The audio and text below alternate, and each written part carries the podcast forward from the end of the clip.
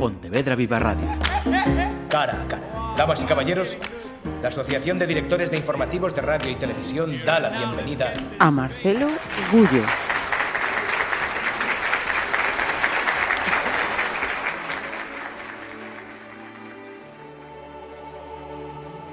Estimado lector, seguro que está usted viendo cómo año tras año disminuye su salario real, cómo sube el precio de los alimentos, cómo aumentan los impuestos eh, que paga por su casa, hasta que no pueda pagarlos más y se ve obligado a venderla, al tiempo que se disparan las tarifas del gas y la electricidad. Como si eso fuese poco, la guerra ha regresado a Europa y tan solo a 2.500 kilómetros de Madrid, ucranianos y rusos se matan unos a otros. Y para aumentar el estado de preocupación que sufrimos todos, siempre aparece un periodista que nos recuerda que, quizás, llegue una nueva pandemia como la viruela del mono o el sarampión del elefante. Y resulta que ahora regresa este argentino, pensará usted, con un libro que insiste en la necesidad del estudio de la historia de España e Hispanoamérica. ¿Por qué esa manía por la historia? Se preguntará. Porque, como sostenía Juan Bautista Alberdi, entre el pasado y el presente hay una afiliación tan estrecha que juzgar el pasado no es otra cosa que ocuparse del presente. Y porque, además, como Alberdi también afirmaba, la falsa historia es el origen de la falsa política, es decir, de la política perversa que hoy padecemos todos. La política de los Kirchner en Argentina, de los Boric en Chile, de los Petro en Colombia, de los Puigdemont en España. Y para nosotros, estimado lector, esa tergiversación de la historia comenzó con la falsificación de la conquista española de América. Una falsificación que fue la obra más genial del marketing político británico, tal y como venimos afirmando desde hace tiempo en nuestros libros y declaraciones. Sin duda alguna, la leyenda negra es el huevo de la serpiente.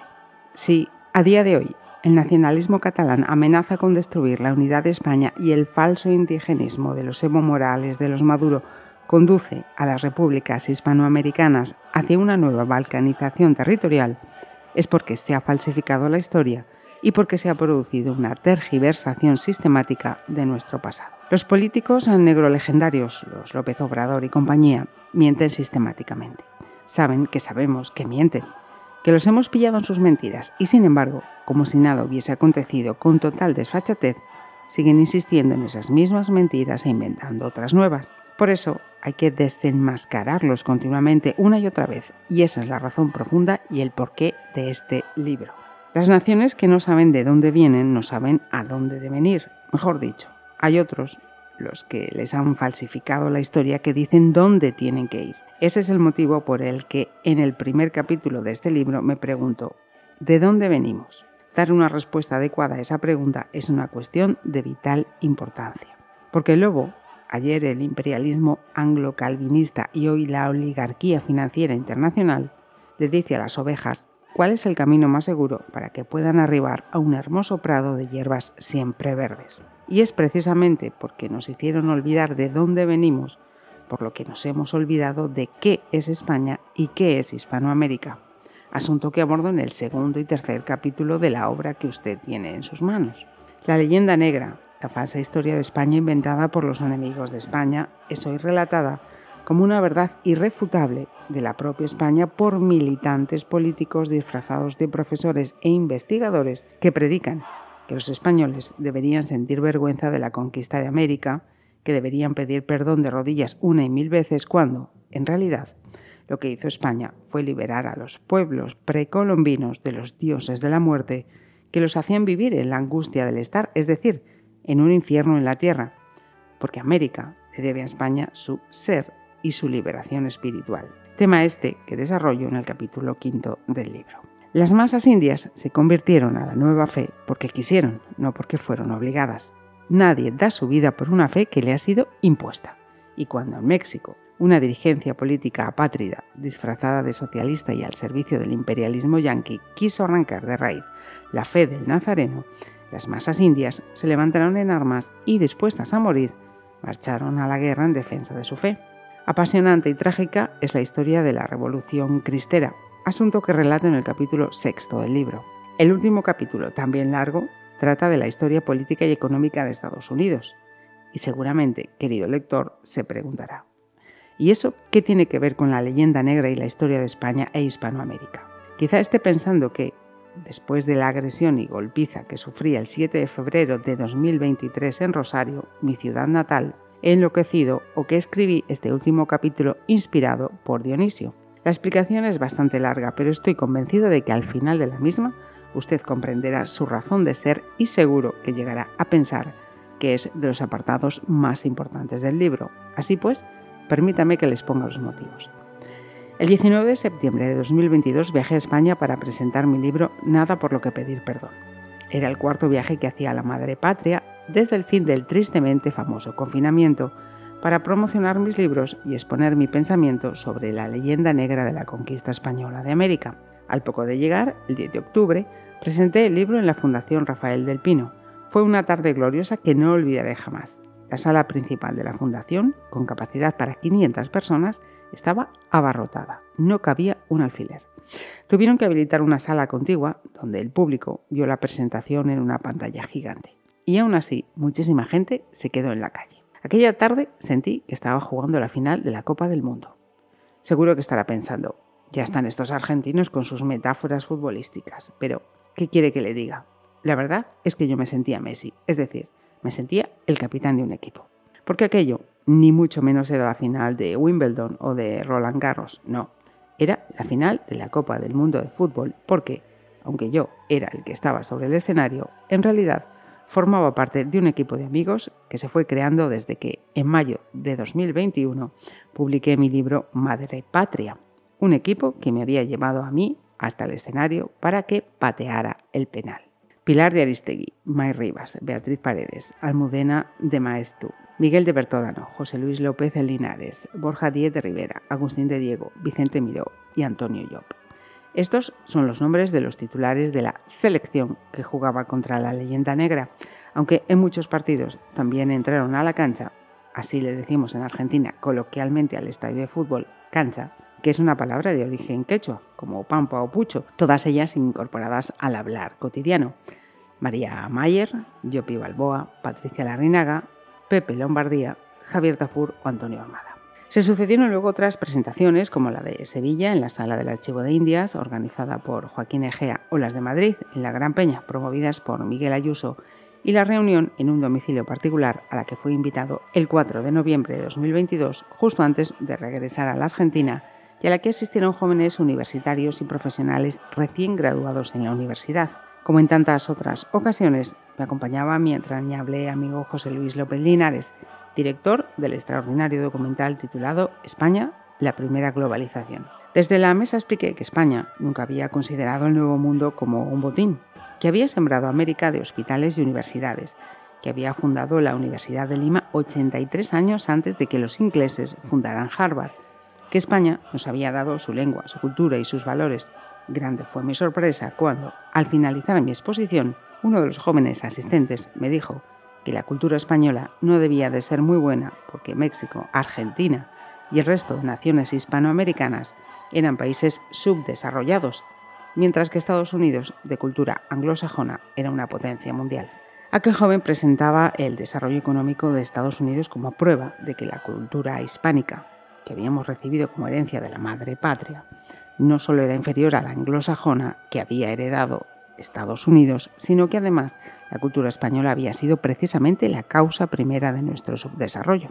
Le pregunté si sabía que México, en el momento de su independencia, era mucho más rico, próspero y poderoso que Estados Unidos y me miró con cara de asombro. También le pregunté si había estudiado la historia del desarrollo económico de Estados Unidos, si conocía en profundidad la historia económica del periodo colonial norteamericano para afirmar tan temeraria e infundada idea. Como preveía, me contestó que no. Lo cierto es que muchos otros asistentes, jóvenes y no tan jóvenes, compartían el prejuicio de que la cultura católica que las repúblicas hispanoamericanas heredaron de España es la cosa principal de su subdesarrollo, de modo que expliqué que tiempo atrás había escrito dos libros sobre ese asunto, La insubordinación fundante, breve historia de la construcción del poder de las naciones, 2010, e Insubordinación y Desarrollo, las claves del éxito y el fracaso de las naciones, 2012, en los que exponía cómo Inglaterra, Estados Unidos, Alemania, Japón, Francia, Canadá y Corea del Sur se convirtieron en potencias industriales sin que el factor cultural fuera decisivo o determinante. También expliqué que yo mismo había creado una teoría sobre las causas principales del desarrollo de las naciones, la teoría de la insubordinación fundante, pero no me pareció que les interesara demasiado. No había duda de que se sentían cómodos con sus prejuicios culturales. Como la mayoría de los jóvenes españoles e hispanoamericanos, también ellos eran víctimas de la leyenda negra que dice que España era la barbarie y el atraso, e Inglaterra la civilización y el progreso. Y como consecuencia creían que los hijos de la bárbara España, salvo que abandonaran la cultura recibida, estaban condenados a ser ignorantes y pobres, mientras que los hijos de la civilizada Inglaterra estaban destinados a ser cultos y ricos. Estos prejuicios culturales están muy arraigados en la juventud hispanoamericana, pues uno de los objetivos de la leyenda negra, predicada en nuestro continente por los agentes de Inglaterra primero y después por los de Estados Unidos, es el de hacernos creer que somos subdesarrollados porque España nos conquistó y para colmo de males porque los españoles nos hicieron católicos. Se trata de un prejuicio muy frecuente en el sector social que el sociólogo argentino Arturo Jaureche definió como el medio pelo, que es el que repite en las calles de Buenos Aires o de Rosario la vergonzante frase ojalá hubiéramos sido colonia de Inglaterra son muchos los argentinos que la exclaman, sin advertir que por medio de la colonización ideológica, esa que Hans Morgenthau llamó imperialismo cultural, fuimos, después de nuestra independencia, efectivamente una colonia de Inglaterra, por más que mantuviéramos los atributos formales de la soberanía gobierno, bandera, himno y ejército necesarios para realizar los desfiles del Día de la Independencia. Al finalizar la presentación de Nada por lo que pedir perdón, José Luis y yo nos fuimos a un bar del Paseo de la Castellana a tomar un gin tonic para ahogar nuestras penas con un trago bien anglosajón. De regreso en Rosario volví a abrir la obra de España en América, del mexicano Carlos Pereira, y me encontré, lo había olvidado, que el libro se cierra con un capítulo titulado El engrandecimiento territorial, económico y político de los Estados Unidos como hecho acusatorio contra España. El gran historiador y diplomático publicó su libro en Madrid en 1930, lo que demuestra que el prejuicio de aquel joven estaba muy extendido desde vieja data. Como decía anteriormente, hablamos de un prejuicio que es el resultado de la leyenda negra de la conquista española del Nuevo Mundo y de la leyenda rosa de la conquista inglesa de América del Norte. Es probable que usted también comparta ese prejuicio, o quizás conozca a muchos que lo hacen, por lo que seguramente estará de acuerdo conmigo en que este libro debía finalizar analizando la historia política y económica de Estados Unidos.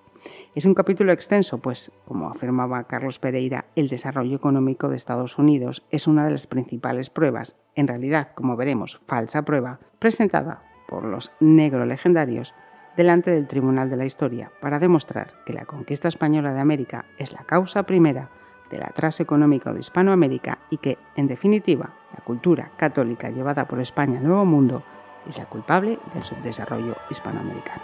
Ahora, estimado lector, puede usted comenzar a leer este libro.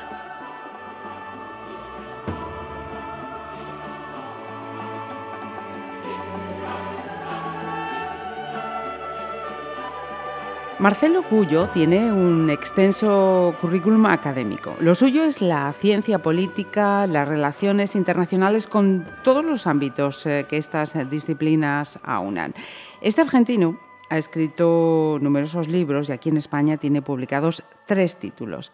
Madre Patria, Nada por lo que pedir perdón y ahora acaba de lanzar Lo que América le debe a España. Primero de todo, Marcelo, gracias por estos minutos que nos vas a dedicar.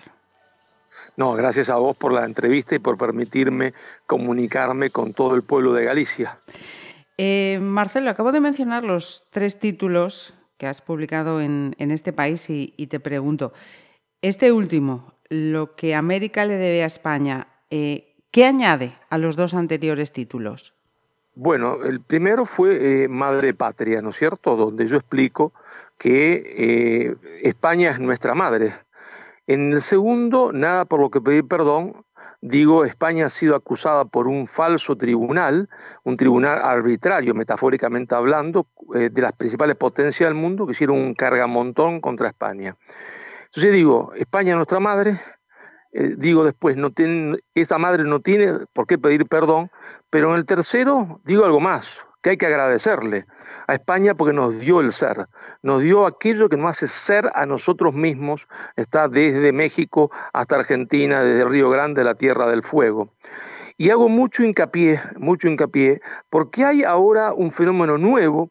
Si antes la leyenda negra y aquellos que hablaban en contra de España detestaban y denigraban a los llamados conquistadores como Pizarro, como Hernán Cortés, que para mí fueron libertadores y no conquistadores, ahora hay toda una corriente que se las agarra y que insulta a aquellos realmente hombres extraordinarios, pobres hombres que iban descalzos como eran los frailes franciscanos, eh, eh, Fray Toribio eh, de Benavente, que los indios le llamaban Motulinía, contra esas personas que dieron lo mejor de sí misma predicando el Evangelio, ahora todo el mundo hace un carga montón contra ellos. Y en realidad explico en el libro, cuando ellos llegan a América, América era un infierno, un infierno porque había dioses de la muerte que habían engendrado una cultura del terror y ellos, esta, estas pequeños eh, físicamente, pero grandes espiritualmente, frailes franciscanos, los llamados dos apóstoles de México, por ejemplo, van a predicar una doctrina que es una doctrina de amor y no una doctrina de odio, y los indios, cuando escuchan este mensaje, acostumbrados a los dioses terribles que le exigían tributo en sangre, es decir, eh, antropofagia, dicen, no, esto es mejor, esto es una liberación. Y estos frailes liberan a la población india, la liberan de la angustia del estar, porque estar en América era estar en un infierno. Y resulta que hoy andan denigrando a toda esta cantidad gigantesca de sacerdotes, de frailes, de monjas que dieron su vida, ¿no es cierto?, para la prédica de una doctrina que era una doctrina de amor y no de odio. Eh, ya que habla eh, de estas eh, congregaciones, de todos aquellos hombres, quería preguntarle también en referencia a la, Iglesia Católica, porque mm, afirma que la Iglesia Católica existe gracias a España. Sin embargo, por esas últimas declaraciones que, he leído suyas, quizá la Iglesia Católica eh, pueda ser una de las instituciones que se sienta molesta con sus eh, afirmaciones. Igual no comparten esto de que la Iglesia Católica exista gracias a España. Bueno, hay que diferenciar los planos. Desde el punto de vista cierto?, religioso, digamos, espiritual, la Iglesia Católica, ¿se entiende?, es una realidad espiritual que la fundó Jesucristo. Yo no tengo nada que decir al respecto, existirá siempre, es una, ¿no es cierto?, pero desde el punto de vista sociológico, es decir, de la cantidad de creyentes que existen en el mundo, no estoy haciendo acá un juicio teológico, desde el punto de vista sociológico, es real que sin España,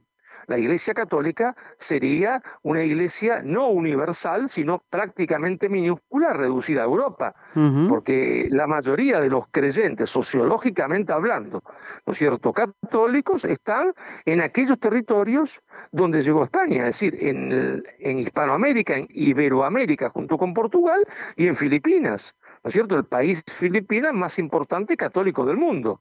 Entonces, sociológicamente, en realidad, ¿no es cierto? Eh, desde el punto de vista sociológico, la Iglesia le debe a España ser una Iglesia universal. Lo hizo España. Esa es la verdad histórica. No me meto en el aspecto teológico, eso es otra cosa, el cuerpo místico de Cristo, ¿no es cierto? Bueno, eso es otra cosa.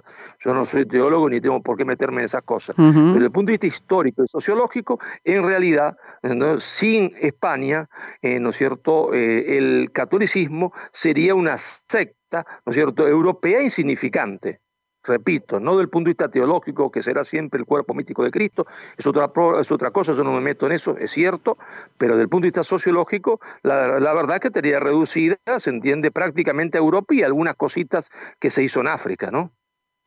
Imagínese usted que si hubiese llegado Inglaterra a, América y América desde Alaska, Tierra de Fuego, si hubiese hecho protestante, ¿dónde estarían los católicos? Los católicos están. Sí, la historia sería distinta, sin duda. Y ya que menciona Inglaterra, en cuanto a la historia sobre aquella España desde 1492 en el Nuevo Mundo y los eh, siglos eh, posteriores, carga tintas sobre británicos y estadounidenses. Bueno, pero también sobre los soviéticos, porque hubo un carga, y también sobre los franceses, porque hubo un carga montón contra España, porque España llega a América y es una obra extraordinaria, no hace un imperialismo, hace un imperio. Es decir, para España, América no fue una colonia, no lo fue nunca, es falso. Porque Isabel la Católica dijo, cásense españoles con indias e indios con españoles, y eso se hizo. Y entonces hubo mestizaje, y cuando hay mestizaje no hay metrópoli colonia. Pero en cambio, cuando los ingleses llegaron a América del Norte, no se mestizaron, ¿eh? Y dijeron el mejor indio es el indio muerto. Y no es hablar en contra de los ingleses, decir la realidad. La realidad es que si uno va a Boston, si usted vamos juntos mañana a Boston, nos tomamos un cafecito en Boston, no vamos a encontrar ningún mestizo anglosajón indio, porque a los indios los mataron a todos. Y hasta el año 1924 los indios estaban en las reservas y no tenían derecho a voto hasta el año 1924. Perdón, en 1924 se le dio la ciudadanía. El derecho a voto recién se le dio en 1946. ¿Es esto hablar en contra de Inglaterra o Estados Unidos? No, es decir, la realidad. La realidad que ellos fueron un imperialismo y que aplicaron que el mejor indio era el indio muerto y los mataron a todos o lo pusieron en reservas. Por eso yo un día le dije a Evo Morales, eh, cuando le dieron el, doctorado honoris causa en mi universidad, le dije, mire, mire, le dije a Evo Morales, me sacó una foto con él, se lo digo con todo respeto, presidente, le digo, si en vez de Inglaterra, si en vez de España hubiese llegado a Inglaterra, a la América del Sur, yo estaría acá en esta universidad, usted no. Usted estaría como están los descendientes de apaches o navajos, en una reserva miserable.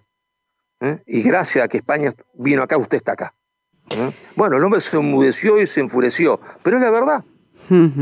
Ya que menciona a Evo Morales, también tiene otra pregunta sobre otro dirigente hispanoamericano, como fue López Obrador, que mm, dijo que había que pedir disculpas desde España y eso se marca pues, en toda una corriente que, nos eh, señala para mal a los españoles. Sí, así es.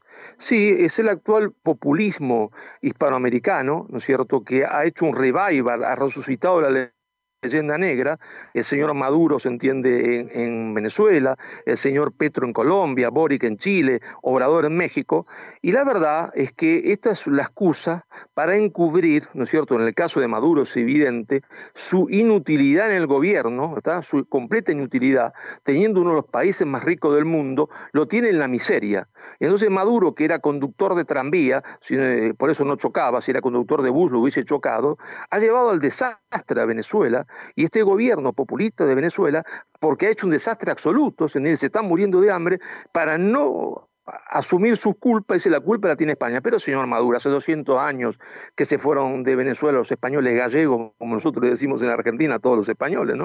Eh, cariñosamente. Eh, y usted le echa la culpa a España. No, es una coartada para encubrir que son una manga de inútiles y de ladrones. ¿está? Entonces, este populismo resucita la leyenda negra para encubrir su propia ineficiencia en el gobierno. Esa es la verdad. y, la culpa la tiene España. Pero escúcheme, Obrador, ¿cómo la culpa la va a tener España? Si cuando España se fue de, se fue de México, México era mucho más poderoso que Estados Unidos. Ustedes tienen la culpa porque son como el nieto que se gastó la herencia del padre y del abuelo se, se farrearon la herencia, eh, perdieron el 60% de su territorio a mano de Estados Unidos, no lo supieron ni siquiera mantener. Y, le echa la culpa a España, no, la culpa de su desarrollo de México la tiene sentido una clase política mezquina e ignorante mexicana que no supo administrar la herencia recibida por España. Eh, Marcelo, estamos eh, próximos ya prácticamente ante la celebración del 12 de octubre, Día de la Hispanidad, cuestionado aquí y como nos acaba de explicar también en el otro continente. Para Marcelo Gullo, ¿qué hay que recordar, mantener y reivindicar en una fecha como esta del 12 de octubre? Lo mismo que reivindicó el primer presidente democrático de la Argentina, que fue Hipólito Yrigoyen, en 1916 se hicieron las primeras elecciones libres de Argentina y democrática. Salió elegido Hipólito Yrigoyen, presidente del partido llamado Unión Cívica Radical. Y a los meses de haber sido elegido presidente por primera vez democráticamente, hizo un decreto de su puño y letra consagrando el 12 de octubre como feriado nacional y fue Argentina el primer país hispanoamericano, antes que España que festejó el 12 de octubre porque dijo es la gesta más maravillosa, se entiende, de la humanidad, porque España nos dio nuestro ser, aquello que nos hace ser lo que es, nuestra lengua, nuestros valores, nuestras costumbres, con sus defectos y con sus virtudes, pero nadie puede renegar, se entiende de esto. Entonces nosotros tenemos todo para festejar porque heredamos una cultura maravillosa, la cultura greco-romano-católica, ¿eh? Eh, heredamos lo mejor de Atenas, lo mejor de Roma ¿eh? a través de España, santificados, se entiende, por el cristianismo, que por supuesto Atenas y, y, Roma había esclavismo y el cristianismo poco a poco termina con eso. Y entonces festejamos haber recibido la cultura más maravillosa del mundo. Pues em, tenía más preguntillas, pero hay más compañeros que, también quieren eh, hablar con, usted y de este título, lo que América le debe a España. Así que vamos a ser educados y, dejar el turno a los siguientes compañeros. muchísimas gracias. Marcelo Gullo. Muchísimas gracias. Gracias a usted. Un abrazo. Pontevedra Viva Radio. ¿Me permiten que les haga un comentario como espectadores del programa Cara a Cara? Según un reciente sondeo de mercado, Ustedes disponen de estudios e inteligencias superiores a la media. Sus intereses abarcan desde la actualidad mundial y la ciencia hasta el deporte y los espectáculos.